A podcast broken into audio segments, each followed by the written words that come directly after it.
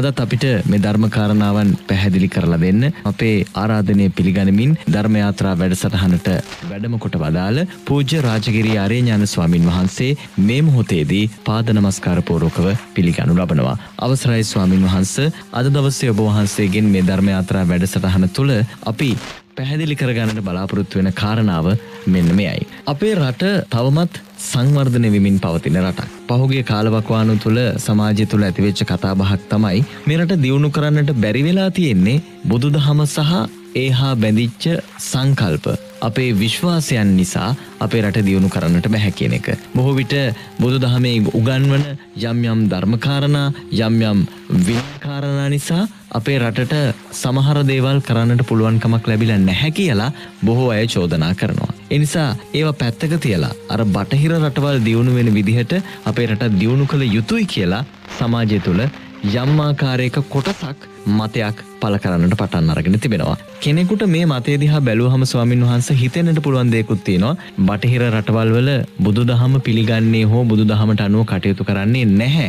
නමුත් ආර්ථික වශයෙන් තියෙන දියුණුවත් එක්ක සමාජය වශයෙන් අපිට වඩා දියුණු තැනක මේ බටහිර රටවල් තියෙනවා. ඉතින් එහෙමනම් අපි මේ බුදු දහම නිසා කරන කියන දේවල් වලින් අපිට සිද්ධ වෙන්නේ හානියක්ද කියන එක ආර්ථකමය වශයෙන් අපි යම් වැටීමකට ලක් වෙලා තියෙනවා නේද කියනක පිළිබඳව කෙනෙකුට හිතෙන්න පුළුවන්. අපි ඔබ වහන්සේගෙන් මේ මොහොතේදී අහන්නේ මේ කියන කාරණාව ධර්මානුකූලව පැහැදිලි කරගත යුත්තේ කෙසේද. මොකද බුදු දහම තුළ ලෝතුරා බුදුපියාණන් වහන්සේ කෙනෙක් ආර්ථික වශයෙන් සමාජය වශයෙන් දියුණු වෙන ආකාරය පිළිබඳව දේශනා කරලා තියෙනවා. නමුත් අපි ඒ නිවැරදිව පිළිපදිනවද එයින් එහාට ගිහිල්ලා දියුණුව වෙනුවෙන් අපිට කළ හැක්කේ කුමක්ද යන්න පිළිබඳව අපි පැහැදිලි කරගත යුතුයි. අවසරයි ස්වාමින් වහන්ස මෙන්න මේ කාරණාව පිළිබඳව අද ධර්මයාත්‍රා වැඩසටහනෙන් පැහැදිලි කර දෙනමෙන් මේ මොහොතේදීම ඔබවහන්සේගෙන් බොහොම ගෞරවයෙන් ආරාධනා කර සිටිනවා. මේමයි මාත්‍යයෝ ලෝතුරා බුදුරජාණන් වහන්සේ මුලින් දුක කියන කාරණයක් පෙන්න්නනවා පෙන්නල දෙවැනි ආරසාතරය බුදුරජාණන් වහන්සේ දේශනා කරනවා ඔබ තුළ දුක තියෙනවා නම් දුකට හේතු දෙකක් නෑ. දුකට හේතු ඔබතුන්ම සකස්වෙන තුෂ්නාව කියලා පේනවා. දුක නැති කරන්න නම් නැති කළ යුත්තේ තුෂ්නාවයි කියන කාරණය පෙන්නලා ඒ දුක නැති කිරීම දෙතා තුෂ්නාව නැති කළ යුත්තේ ඔබමයි කියන කාරණය පෙන්නලා මහත්තු නැතිකිරීමේ මාර්ගය දේශනා කර. එතොට දුක නැතිකර ගැනීමේ මාර්ගය දේශනා කරලා බුදුරජන් වහන්සේ මුලින්ම අපිට සම්මාධිත්‍යය මතු කරල දෙනවා. ආරෂ්ඨානික මාර්ගය පලවිහන්ගේ. එතොට සම්මාධිත්‍යයේ බුදුරජාණන් වහන්සේ මුලින්ම පණවන්නේ තෙරුවන් කෙරෙයු සද්දා. අපි කියමු දැන් බුදුරජාණන් වහන්සේ දේශනා කලා වූ ධර්මය පිළි අරගෙන.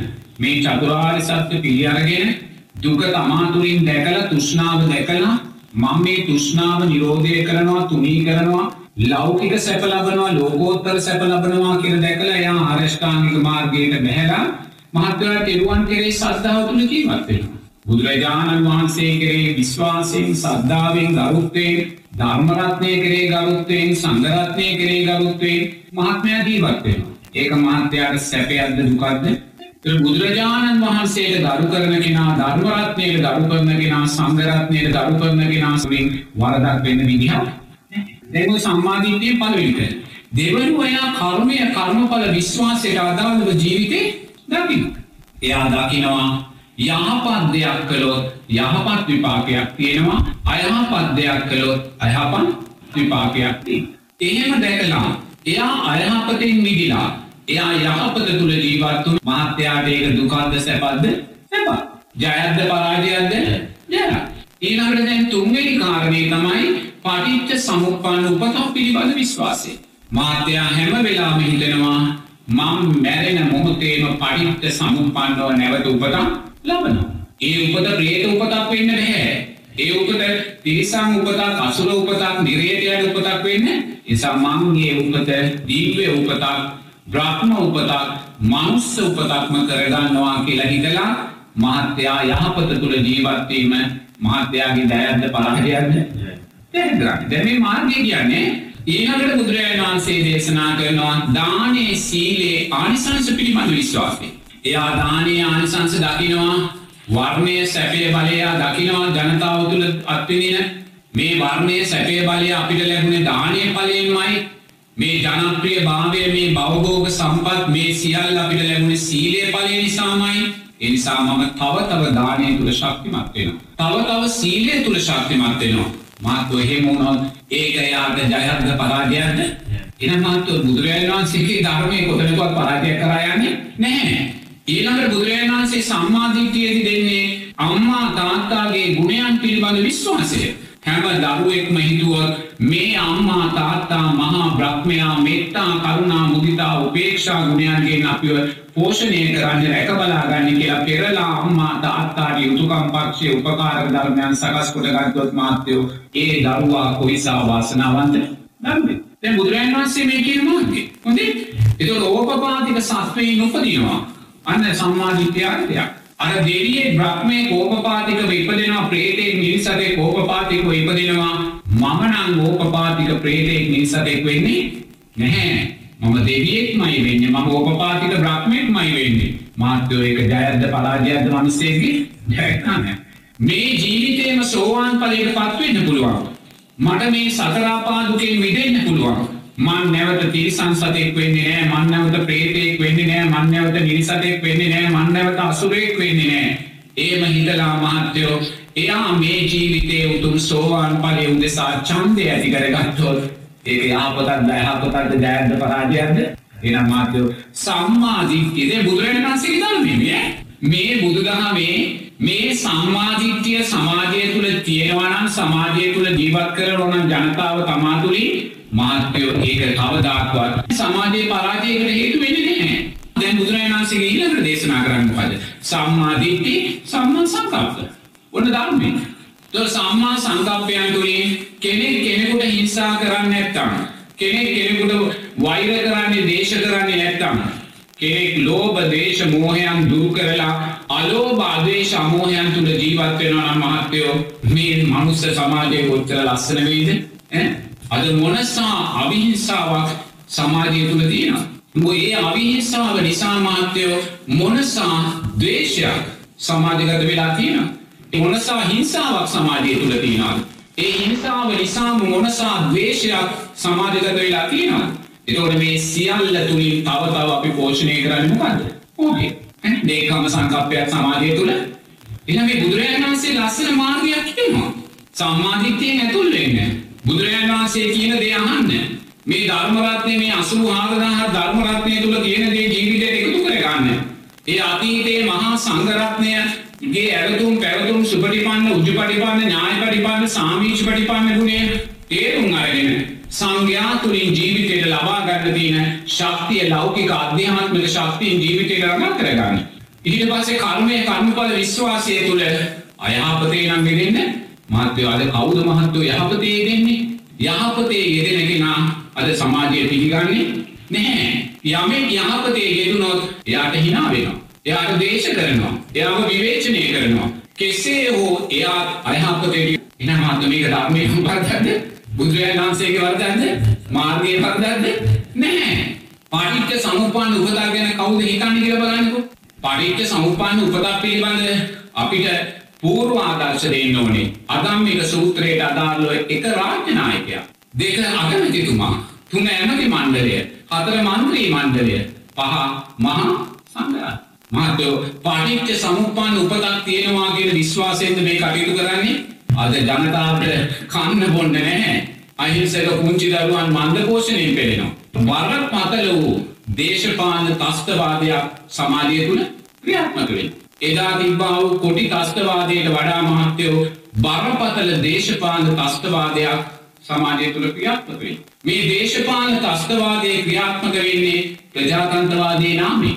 මෙවැනි දේශපාලන තස්තවාදයක් පෙනි පෙනි වර්ණනා කර කර මේ විදිහට නීතියානුකූලව ක්‍රියාත්මක වෙද්දී මනුස්සයා පටිච්ච සම්පන්න උපත පිළිබඳ විශ්වාසයෙන්ද මේවා කරන්නේ නැහැ. රටගෙන හිතන්නේ ජනතාව ගැන හිතන්නේ නෑ සම්මා සම්බුද්ධ ශාසනය ගැන හිතන්නේ නෑ අනිකුත් අන්‍ය ආගමික ජනතාව ගැන හිතන්නේ නෑ තමා ගැන පමණයි හිතන්නේ. නේකම්මේ වඳ බැහැලා.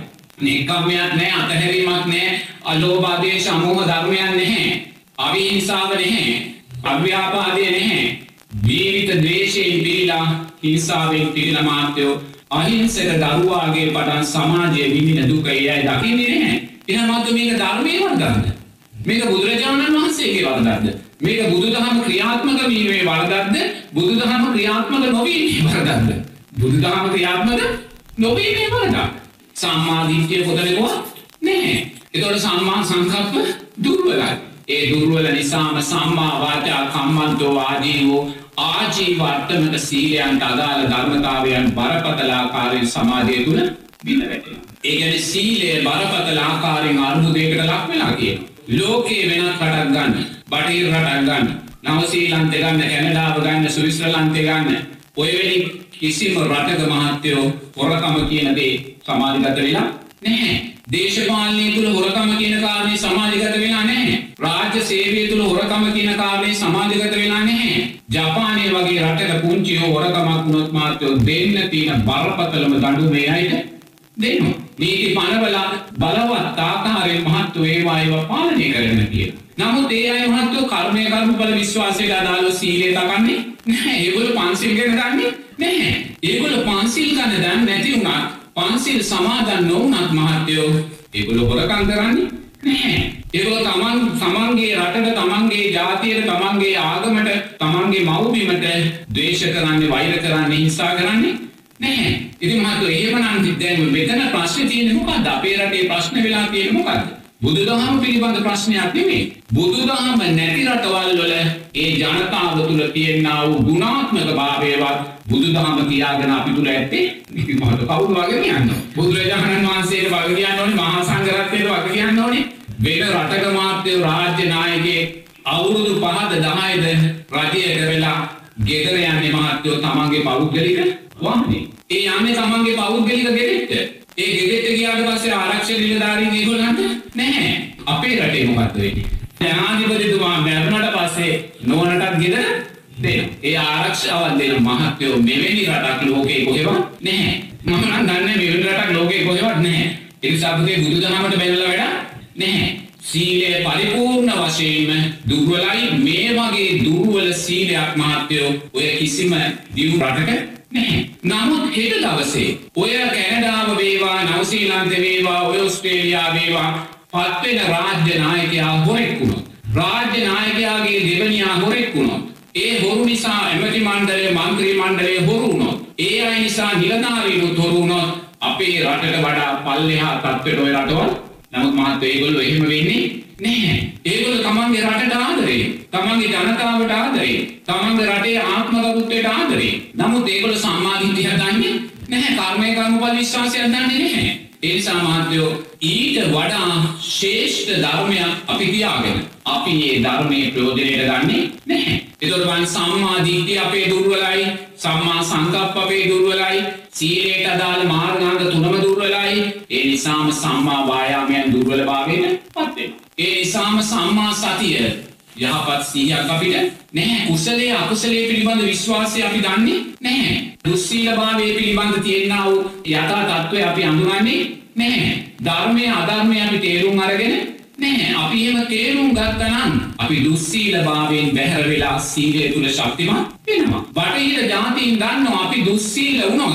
අපේ රටත් පොරුන්ගේ රටක් බවට පත්වේ. අපි දුස්සීල වුණොත් අපේ රටවල් වල ආර්ථිකය බිඳුවට වැටෙනවා. ඒ මොනොත් මුළු ලෝකෙම අප්‍රසාදය අපිට ලැබෙනවා. අන සම්මා සතිය.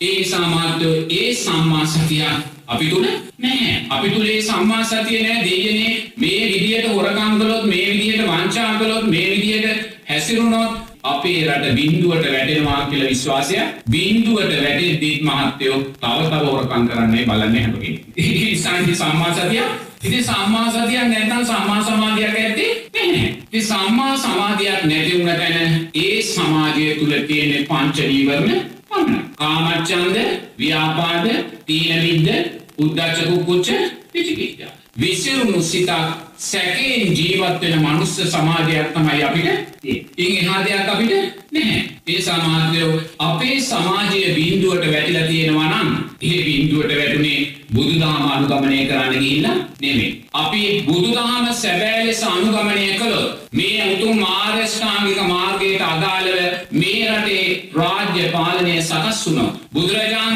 වහන්සේගේ ධර්මයන්ට අදාළව සමගියෙන් රැස් වෙලා සමගියෙන් සාකච්ඡා කරලා සමගියෙන් විසිර ගිහිල්ලා ජනතාවට අවශ්‍ය පොහොර ටික ජනතාවට අවශ්‍ය බීජ ටික ජනතාවට අවශ්‍ය වගා ණය ටික නියමාකාරයෙන් බෙදලා දීලා ඒ වගේම සමාජයේ ජීවත් වෙන ලැබරියගේ පටන් කාන්තා පක්ෂයට දිය යුතු ආත්මගරුත්වය ලබලා දීලා ඒ වගේම මේ රටේ සියලුම පූජනීය පක්ෂය මහා සංඝරත්නය ඇතුළු ඒ සියලු දෙනාට අවශ්‍ය සිව්පසය සපේලා මාත්‍යෝ රජතුමා රාජ්‍ය ඒ බුදුරජාණන් වහන්සේ දේශනා කලා වූ ධර්මයට අදාළව කටයුතු කොළොත් මාත්‍යයෝ මේ ලෝකේ ශේෂ්ඨම රට බවට පත්වෙන අපේ රට.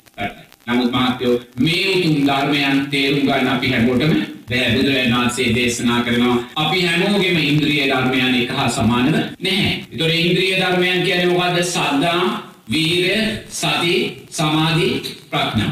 එතොට මේ සද්ධා වීර සති සමාධි ප්‍රඥා මාත්‍යයෝ යම් දවසක විදර්ශනාත්මකව සමවෙන වෙලාවෙ තමයි අපි උතුම් සෝවාන් පලයට පත්වේ. උතුම් සෝවාන් පලයට පත්වනාට පස්සේ මේ ඉන්ද්‍රීය ධර්මයන්ම බලධර්මයන් හැටියට රහත් වෙන අවස්ථාව දක්වා. උතුම් රහත් පලය දක්වා අපි තුළ පෝෂණය වේ. ඉන් මෙහා අපි හැමගෙනගේම ඉන්ද්‍රිය ධර්මයන් එක හා සමාන නැහැ. සද්ධාවීට සති සමාධි ප්‍රඥාන් මගේ වැඩිලතින ප්‍රමාණයට වඩා මහත්‍යයාගේ වැඩිවෙන්න පුළුවන් වෙන්න පුළුව. මේ මහත්‍යයාගේ ඊට වඩා වැඩිවෙන්න පුළුවන් අඩු වෙන්න පුළුවන්. ඒ වගේමයි සද්ධාන්සාරී ධම්මාන්සාරී දෙන්නා තුළ තමයි අනිවාර්යෙන් ඔබේ ඉන්ද්‍රිය ධර්මයන් මේ විදිහට වැඩි. නමුත් මහත්යෝ පෘථග්ජන කෙනා තුළ මේ ඉන්ද්‍රිය ධර්මයන්ට කිසිම දෙයක් වැඩිලා නැහැ. මොකද පුතාජන කෙනා තුළ සද්ධා කියන ඉන්ද්‍රිය වැඩෙන්නෙම නැහැ. නමුත් වීරිය තියෙනවා ඒක මිච්ඡා වීරියක් හැටියට, මිච්ඡා සතියක් හැටියට, මිච්ඡා සමාධියක් හැටියට, මිච්ඡා ප්‍රඥාවක් හැටියටයි වැඩෙන්නේ.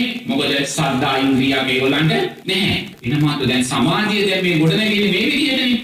එතකොට කල්යාණ මිත්‍ර ආශ්‍රය දුර්වල වෙනකොට සද්ධර්ම ශ්‍රවණය දුර්වල වෙනකොට නුවණින් මෙනෙහි කිරීම දුර්වල වෙනකොට මහත්වෝ අනිවාර්යෙන්ම ආරෂ්ඨාංගික මාර්ගයේ ශක්තිය දුර්වලභාවයේ පත් වෙනවා. එතකොට ආරෂ්ඨාංගික මාර්ගයේ ශක්තිය දුර්වල වෙන්නේ ඇයි? චතුරාර්ය සත්‍ය ධර්මයන් කෙරේ සතිය සිහිය අපෙන් පැහැර වෙනවා. තෘෂ්ණාව දුකට හේතුව කියලා දකින්නේ නැහැ. ඒ නිසා සැප සෙවීමේ නාමයෙන් තව තව අපි තෘෂ්ණාවම වඩනවා. තෘෂ්ණාව වඩන්න යද්දී අපි අනිවාර්යයෙන්ම බරපතල ආකාරයෙන් ආරෂ්ඨාංගික මාර්ගයේ බැහැරට යනවා. බැහැරට අපි සද්ධානුසාරී ධම්මානුසාරී තැන් දෙකෙහි පිරීලා අපි පු탁ජන තැනට දැන් මේ සමාජය තුල නැගෙන රැල්ල ඒකයි. මේක මේ සුන්දර ධර්මයක් මහත්තයෝ. මේ සුන්දර ධර්මෙදී මේ මොහොතේ පංච උපාදානස්කන්ධ මායя මේ පංච උපාදානස්කන්ධ මායя කියන්නේ වසවර්ති මායя නෙමෙයි. මේ අවිද්‍යාව තුලින් සකස් වෙලා පංච නීවරණ තුලින් පෝෂණය වෙලා තුෂ්නාවෙන් තව තව ශක්තිමත් වෙන මේ පංච උපාදානස්කන්ධ මාර්යා මාත්‍යෝ මේ මොහොතේ උත්සාහ ගන්නේ අර සද්ධානුසාරී ධම්මානුසාරී කියන තැන් දෙකේ ඉන්න පිරිස එතනින් පල්ලෙහාට පෘථග්ජන තන්ට ඇද දාන්න. ඊට අදාළ ධර්මයන් තමයි මේ සමාජගත වෙන්නේ. පංච උපාදානස්කන්ධ මාර්යා අවිද්‍යාව තුෂ්ණාව හොඳාකාරව දන්නවා. සෝවාන් ඵලයට පිළිබඳ අපි හිතන්න පටන්න කරදර වෙන්න ඕනේ නැහැ.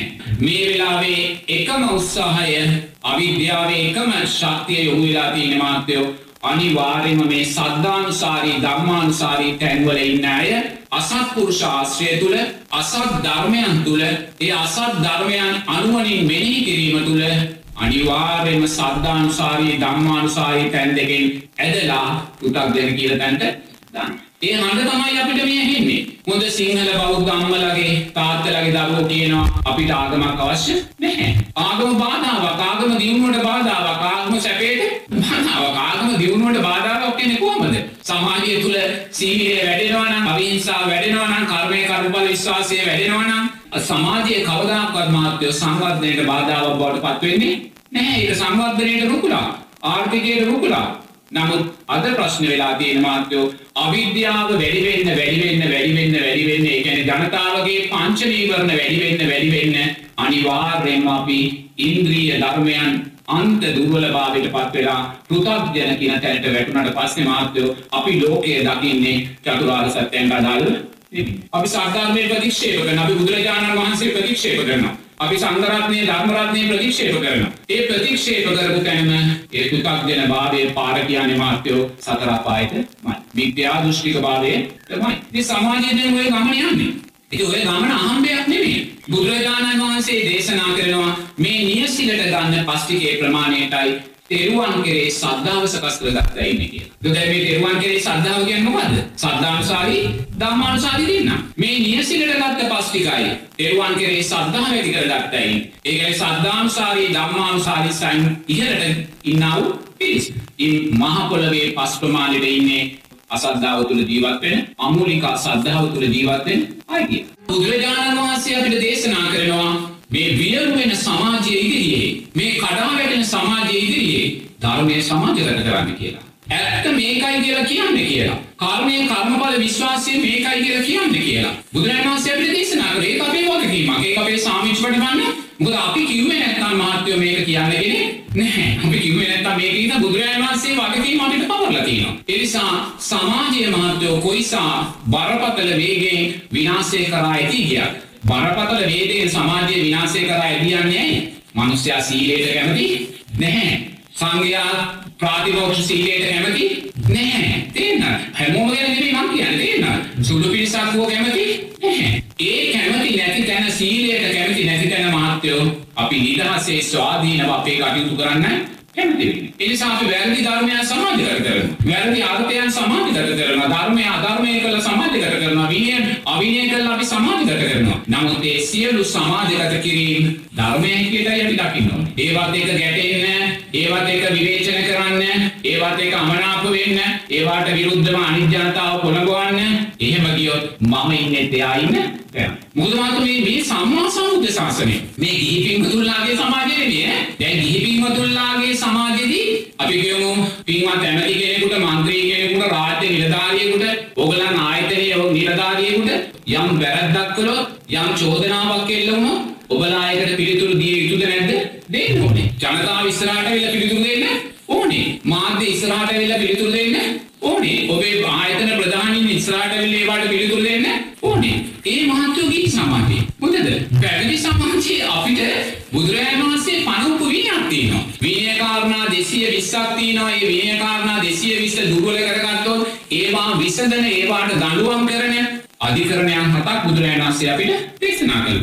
අධිකරණයන් තුල ඒ විනය කාරණා තුල සංඝයාට කවදාක්වත් ප්‍රසිද්ධියේ තවත් ස්වාමීන් වහන්සේ කෙනෙකුට චෝදනා කරන්න බැහැ. කිසිම ප්‍රාතිමෝක්ෂ සීලය තුළ ජීවත් වෙන උපසම්පදා භික්ෂුවකට මාධ්‍යයක් ඉස්සරහට ඇවිල්ලා මූණු පොතක් ඉස්සරහට ඇවිල්ලා ඔය වෙනත් නාලිකාවන් ඉස්සරහට ඇවිල්ලා කවදාස්වත් තවත් උපසම්පදා භික්ෂුවක් විවේචනය කරන්න බැහැ. ඒක විනය කාරණයක්. යම් හේකින් යම් ගෞරවනීය ස්වාමීන් වහන්සේගේ නොදැනුවත්ව හෝ මාධ්‍ය ඉස්සරහට ඇවිල්ලා මුහුණු පොත් ඉස්සරහට ඇවිල්ලා තවත් ස්වාමීන් වහන්සේ නමකට ද්වේෂයෙන් විවේචනය කරනවා නම් අගෞරව කරනවා නම් බොරුවෙන් විවේචනය කරනවා නම් ඒ මොහොතේ උන්වහන්සේ ප්‍රාතිමෝක්ෂ සීලය තුල නැහැ. උන්වහන්සේ ප්‍රාතිමෝක්ෂ සීලය තුල නැතුව උන්වහන්සේට තවත් කෙනෙක්ගේ සීලය ගැන කතා කරන්න දශමයකවත් අයිතියක් ඒ සමාධ්‍යයෝ සමාජය තුළ මේ සද්ධාව දුර්වල වෙන්න දුර්වල වෙන්න. ඒ කියන්නේ මේ සද්ධානුසාරී ධම්මානුසාරී තැන් දෙක දුර්වල වෙලා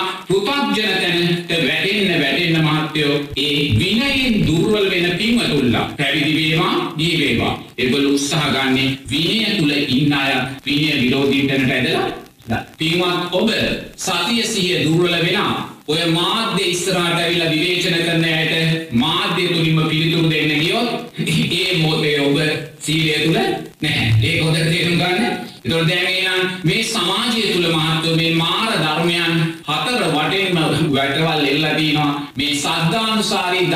ධම්මානුසාරී තැන් දෙක විනාශ කරලා මහත්වෝ පුළුවන් තරම් පිරිස පෘථග්ජන කියන තැනට මිත්‍යා දෘෂ්ටිය කියන තැනට අවිනයවාදී අධර්මවාදී කියන තැනට ඇදලා ගන්න.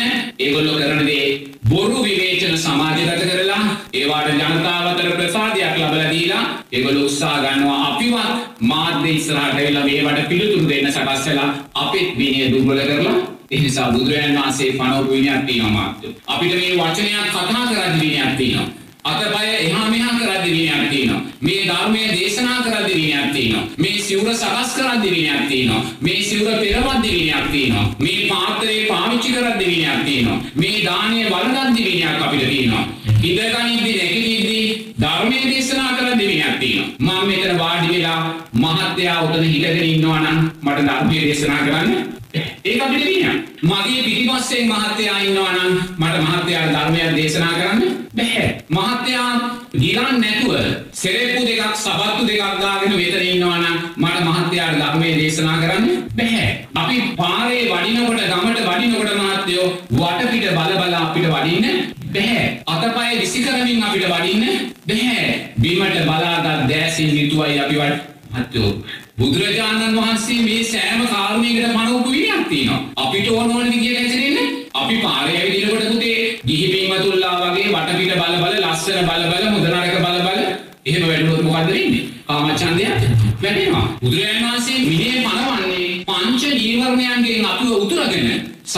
සත්‍ය බොජ්ජංගයන්ට අපේ ජීවිතේ දෙන්න. තුෂ්ණාව ඇති වුණොත් දුකයි ඇති වෙන්නේ. ඒසා මම රූප පසන් ඒ තුෂ්ණාව නිසායි දුවන්නේ මාතුරේ ඉතිරි වෙන්නේ දුක පමණයි. අන්න බුදුරජාණන් වහන්සේ සිහිය ඇති කරන රූප පස්සේ දුවන්නේ පායස් දෙක. බිම බලාගෙන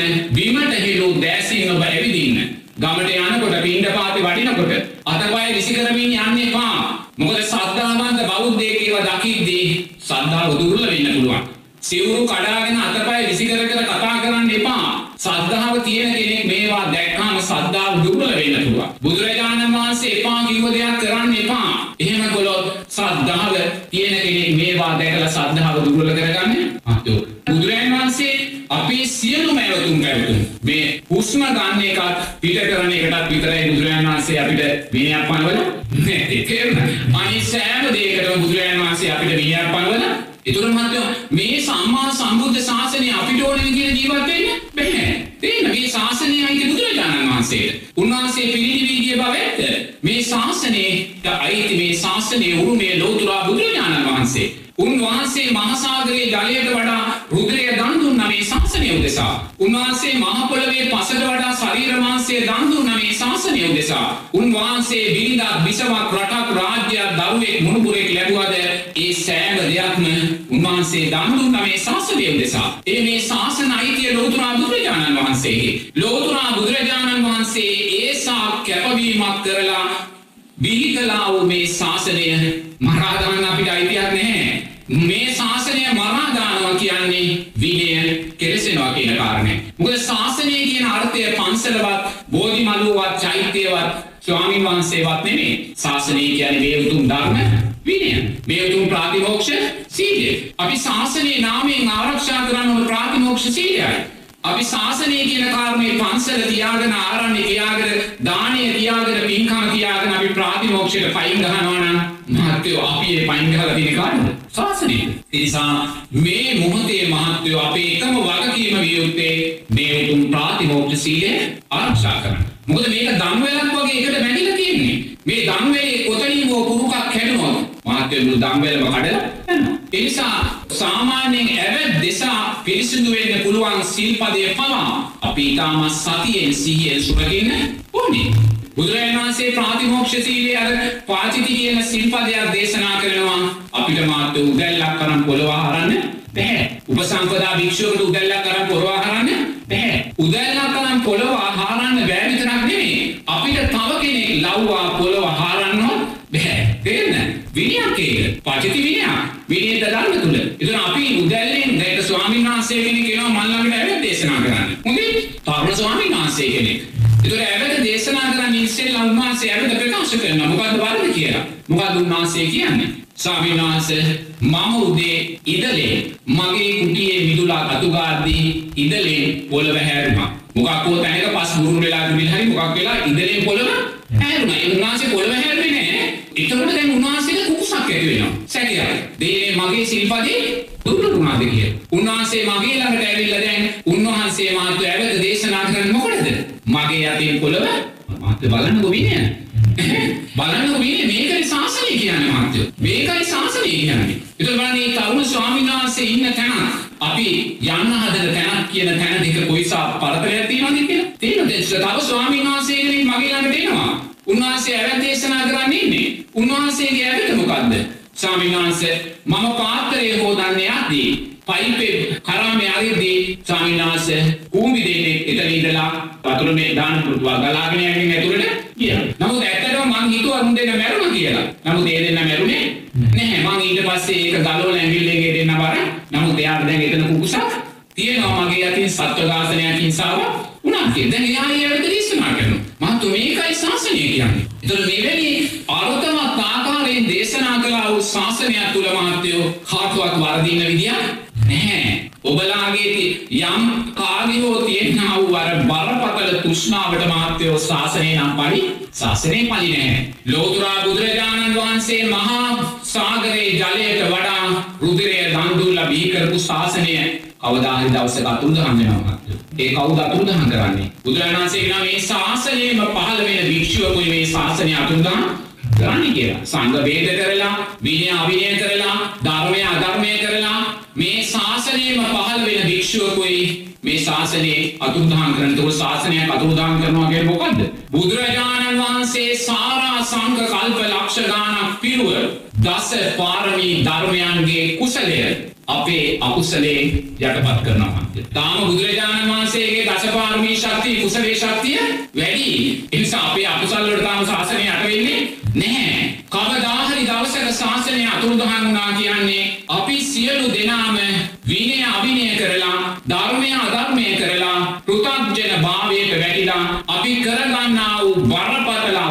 විසින් මහත්යෝ බුදුරජාණන් වහන්සේගේ දස පාරමී ශක්තියේ කුසලය යටපත් කරලා දානවා. ඒක තමයි ශාසන අතුරුදහන් වෙනවා කියන්නේ. ඒ නිසා මහත්යෝ මොනම හේතුවක් නිසාවත් සමාජය තුළ දකිද්දී ධර්මය ඒහි පස්සිකව විවෘතෝ බබලනවා මාක්‍යෝ. ඒසා තව තව වැරදි කරන්න එපා සමාජය තුළ බලවත් ආකාරයෙන් බුදුදහමට නිග්‍රහ වෙන දේවල් සිද්ධ වෙනවා ධර්මරත්නය සංගරත්නයට හැම තැනින්ම පන්සලට පහරවා දින සංඝයාට පහරවා දින තැන් සිද්ධ වෙනවා. සංඝයා අප්‍රසාදයට පත් වෙනවා. ඒ නිසා අපි තේරුම් ගන්න ඕනේ නිරේතුරුවම සුපටිපන්න ගුණය තුළ ශක්තිමත් දැන් මට ඔය ගොඩාක් එලෝ එලෝ ගහන අය ඉන්නවනේ. විවේචනය කරන ඉතින් ඇයි විවේචනය කරන්නේ? මට ඔය කිසිම විවේචනයක් නැතුව බොහොම නිහඬව කොහාට හරි වෙලා ඉන්න පුළුවන්. ඒ නිහඬව ඉන්න පුළුවන් ඇයි? ධර්මයේ ධර්මයේ විදිහට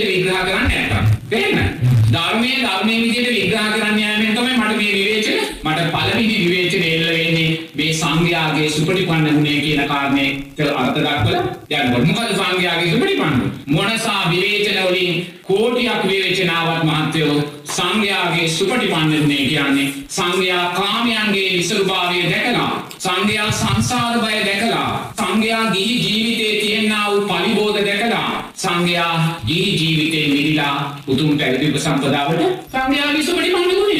ඕක පුතේ මගේ බෙල්ල මිදිකරන මරණාසන්න මොහොතේ මං කියක් මං කියන්නේ මේකයි සුපටිපන්න ගුණය. මම කියන්නේ සුපටිපන්න ගුණය කියන්නේ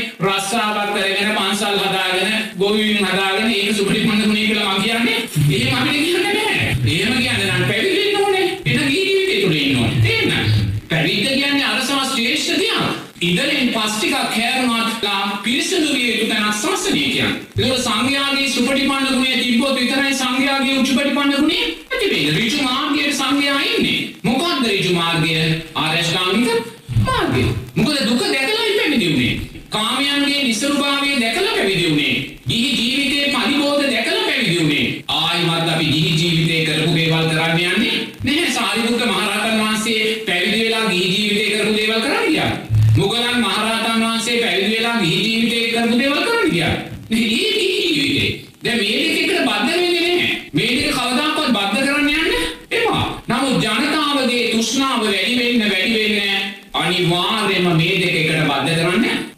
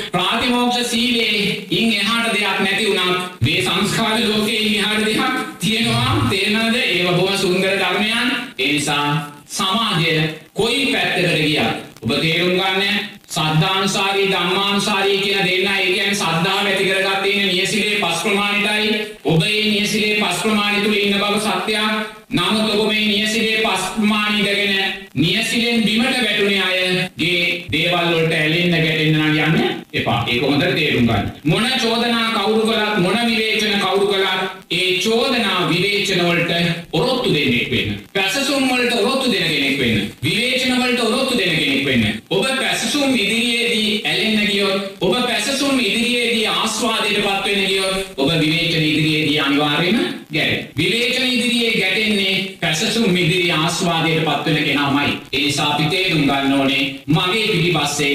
මගේ සෙවණැල්ල පමණයි. මගේ පිටිපස්සේ මහත්තයාගේ සෙවණැල්ල ඉන්නේ එනිසා මට පැසසුම් මාවත් මට විවේචනාවත් ඒවා මගේ සංසාරික කුසල් සහ අකුසල්. මගේ සංසාරික කුසල් සහ අකුසල් ඉදිරියේ ඔබ අකුසල් කරගන්නෙක් වෙන්න ඕනේ නැහැ. එනිසා ඔබ නිරතුරුවම විවේචනය ඉදිරියේ ඔබ නොඇලී නොගැටී ඉන්න ඒ නොඇලී නොගැටී ඉන්න තැන ඔබ අර විදර්ශනාවේ ගල් කණුවක් බවට ඔබපත් වෙන. විනිවිද දැකීමේ ගල් කණුවක් බවට ඔබ පත් වුණා වෙන. නමුත් ඔබ විවේචන ඉදිරියේ ගැටෙනවා නම් විවේචන ඉදිරියේ ඒවාට ඇලෙනවා නම් ඔබ අනිවාර්යයෙන්ම පංච නීවරණයන්ගේ ගල් කණුවක් බවට පත් වෙනවා. කාමච්ඡන්ද ව්‍යාපාද දීන විද්ද උද්දච්ච කුකුච්ච විචිකිච්ඡ. පංච නීවරණයන්ගේ ගල් කණුවක් බවට පත් වුණාට පස්සේ ඒ පංච නීවරණයන්ගේ ගල් කණුව උදේ බර වෙන්නේ සතර අපායට. මයි ඒ නිසා කවුරු වැරදි කළත් ඔබ සපත වෙන්න ඔබට මම මේ ශාසනාර්ථයන් තුළ ජීවත් වෙනවා ඇස් දෙක පිරෙන මොහොත දක්වා මොකද අපි මේ දකින්නේ මේ සමාජය තුළ මේ වෙන විනාශයන් තුළ මේ රටේ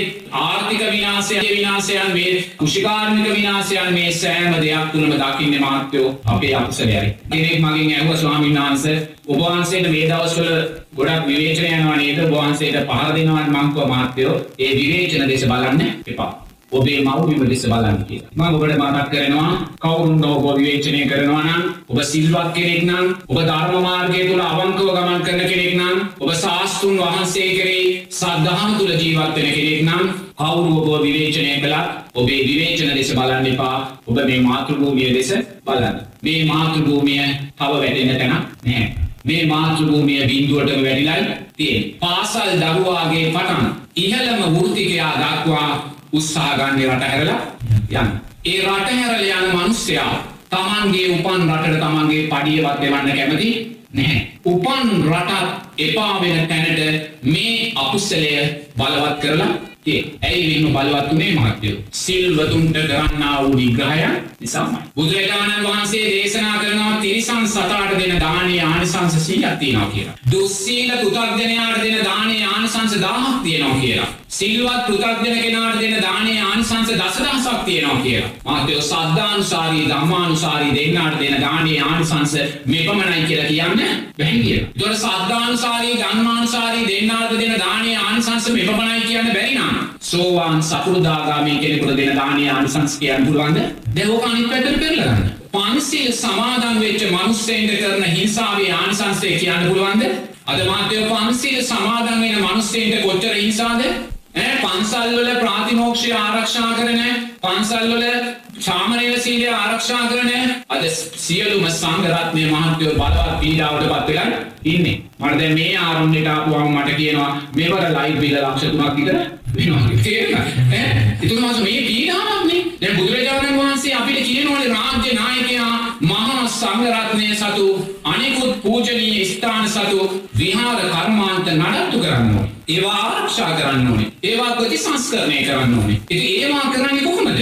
බුදුරජාණන් වහන්සේ කියන්නේ නෑ රාජනායකයාට ගිහිල්ලා මේ උදළු ගල්ලි නිරම් පන්සල් යන්න කියලා. මොකද ඒවා කරන්නේ කියොත් රාජනායකතුමාට රාජ්‍ය විචාරණ වෙලාවක් නැහැ. එතුර රාජ්‍ය නායකයා දැනගත යුතුයි. පන්සලේ ලයිට් බිල රුපියල් 70000 ලයිට් බිල ලක්ෂ 3ක් කරන එක නෙමෙයි. එයා දැනගත යුතුයි සමාජයේ වැඩිපුර ආදායම් ලබන අයගෙන් වැඩි බදු අරගෙන පුතේ ඒ සහනාධාරය පන්සලට දෙන්න. එවැනි වැඩසටහනක් රජයක් තුලින් තිබිය යුතු රජය ජනතාව පත් කරන්නේ ඒකයි. එනම් අද බලන්න දැන් මොකද්ද වෙන්නේ කියලා සමස්ත සංඝ රත්නයම රජය විසින් හිංසාවට පත් කරලා තියෙනවා. නමුත් සුඛෝපභෝගී ජීවිත ගත කරන ස්වාමීන් වහන්සේලාත් ඉන්නවා නේ. නමුත් එහෙම යම් පිරිසක් නිසා මාත්‍යව අප්‍රමාණ පිරිසකට දුක් දෙන්න අයිතිය නැහැ. ඒක සමස්තයක් ඇටියට බලන්නේ විසඳුම දෙන්න ඕනේ. නමුත් බලන්න අද ඔය ලයින් බිල් ප්‍රශ්න නිසා මාත්‍යෝ සමස්ත සංඝ සමාජයම මානසිකව පීඩනයට පත් වෙලා. ඒතකොට ඔය සමස්ත සංඝ සමාජයේ මහත්යෝ සාමනීර කෙනා දස සීලය ආරක්ෂා කරනවා. සේකියා හැත්තපයින් විසිපහක් සමාලිට ආරක්ෂා කරන ඇති. ඒ වගේම ප්‍රාතිමෝක්ෂ සීලෙන් සිල්පද දෙසීයෙන් මහත්තයෝ සිල්පද සීයක් ආරක්ෂා කරනවා කියමුකෝ. ඒකට මහත්තයෝ මේ කරන මානසික හිංසනයේ විපාකය මෙපමණයි කියලා අපිට කියන්න පුළුවන්ද? බැහැ. සිල්වතුන්ට අද සමාජයේ ජීවත් වෙන පන්සිල් ගන්න මිනිස්සුયો කී දෙනෙක් ඉන්නවද උදේට? මාස පෝයකට වසලොස්සක පෝයට උපෝසක සීලයන් සමාදන් වෙන පිරිසක් කොච්චර ඉන්නවද? නමුත් මේ අය මානසිකව හිංසනය කරද්දි මහත්තයෝ අර සිරිසන් සතාට දෙන දානේ ආනිසංස 100ක් තියෙනවා නම් තිරිසන් සතාට පොල්ලකින් ගැහුවොත් විපාකයන් 100ක් තියෙනවා. දුස්සීල පුතග්ජන කෙනාට දානේ ආනිසංස 1000ක් තියෙනවා නම් දුස්සීල පුතග්ජන කෙනෙකුට පොල්ලකින් ගැහුවොත් විපාකයන් 1000ක් එනම් මාතයෝ පන්සිල් රකින අටසිල් රකින සාමනයින්ද්‍ර සීලය රකින උපසම්පදා සීලය රකින ගිහි පැවිදි පීමතුල්ලාට කරන මානසික හිංසනයන් මේවා විපාක ඒදි මහත්තයෝ මන්නන් හිතන්නේ අනාගතේ රටක් තියේවි කිය. අදම නිවැරදි නොවුන. ඒතර අදම නිවැරදි වෙන්න ඕනේ නම් ඔබලා බුදුදහම ගන්න ඕනේ නැහැ. ඒක හොඳට තේරුම් ගන්න.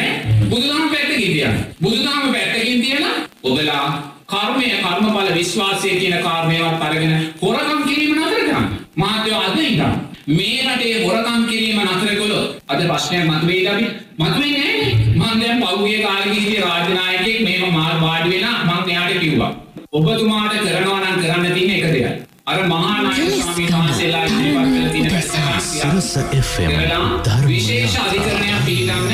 ස්වාධීන අධිකරණයක්. මාස 3ක් ඇතුළත තීන්දුව දෙන්න ඕනේ. අතීතය කරපු වැරදි අතහරින්න අතීතය කරපු හොරකම් අතහරින්න අදින් පස්සේ වැරදි කරන ඇමති කෙනෙක් මන්ත්‍රී කෙනෙක් නිලධාරියෙක් හොරකම් කරන මේකට ගෙනල්ලා දඬුවම් කරනවා කියන ඒ ස්ථිර තැනට එන්න ජනතාවට විශ්වාසය දෙන්න මාත්තු එක නිදන් රටකොට නැගෙනවා. නමුත් මාත්‍යෝ ඕක කරන්නේ නැතුව බුදුදහමට මැල්ල වැඩක් තියෙනවද? ස්වාමීන් වහන්සේලාට මැල්ල වැඩක් තියෙනවද? ඈ ලයිට් බිල වැඩි කරලා වැඩක් තියෙනවද?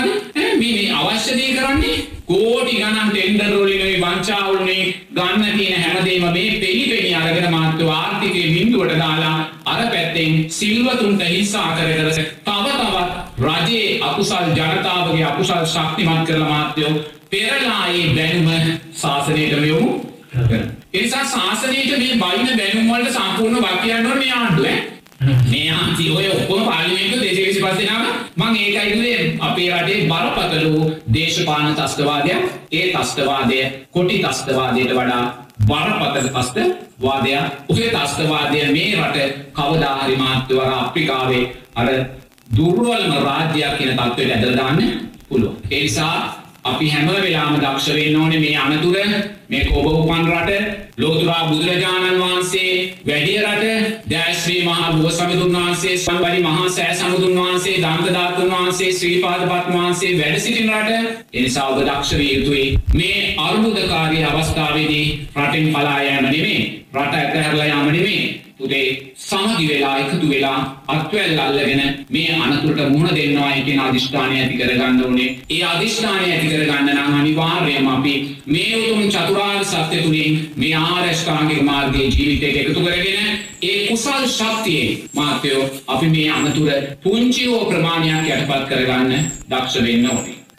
වැඩසටහන අවසන් වන්නට පෙර අපි වහන්සේට ආරාධනා කරනවා මේ සියලු දෙනා වෙනුවෙන් ආශිර්වාද කරන ලෙස අවසරයි ස්වාමීනී හොඳයි. පින්වතුන් අප්‍රමාණ සතුට පත්වෙන්න මේ මොහොතේ ඒ උතුම් ධර්ම යාත්‍රා වැඩසටහන ශ්‍රවණය කරලා ඒ සිරස ගුවන් විදුලියේ ලක්ෂ සංඛ්‍යාත ජනතාවක් අප්‍රමාණ වූ සැනසෙල්ලට පත් වුණා. ඒ නිසා කල්පනා කරන්න මේ රැස් කරගත්තා වූ සෑම පිනක්ම පින්වතුන්ලාටත් පින්වතුන්ලාගේ පවුල්වල සියලු දෙනාටත් ගම්වාසී රටවාසී සියලු දෙනාටත් මේ පින් නිදුක් නිරෝගී සුවපත්භාවය දීර්ඝායුෂ පිණිස හේතු වේවා. ඒ වගේ මේ උත්තරීතර මහානායක ස්වාමීන් වහන්සේලා ඇතුළු සියලුම වන්දනීය මහා සංඝරත්නයට මේ පින් නිදුක් නිරෝගී සුවපත්භාවය දීර්ඝායුෂ පිණිස හේතු වේවා. අපට ඒ කල්යාණ මිත්‍රභාවයෙන් උපකාරක ධර්මයන් සකස් කර දුන් පින්වත් සාරද මහත්මයාට ඒ පින්වත් පින්වත් පුබුදු මහත්මයාට.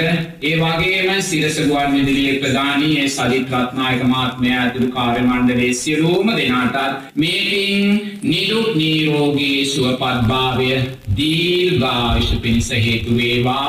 හැමෝටම ගොඩාක් පින්.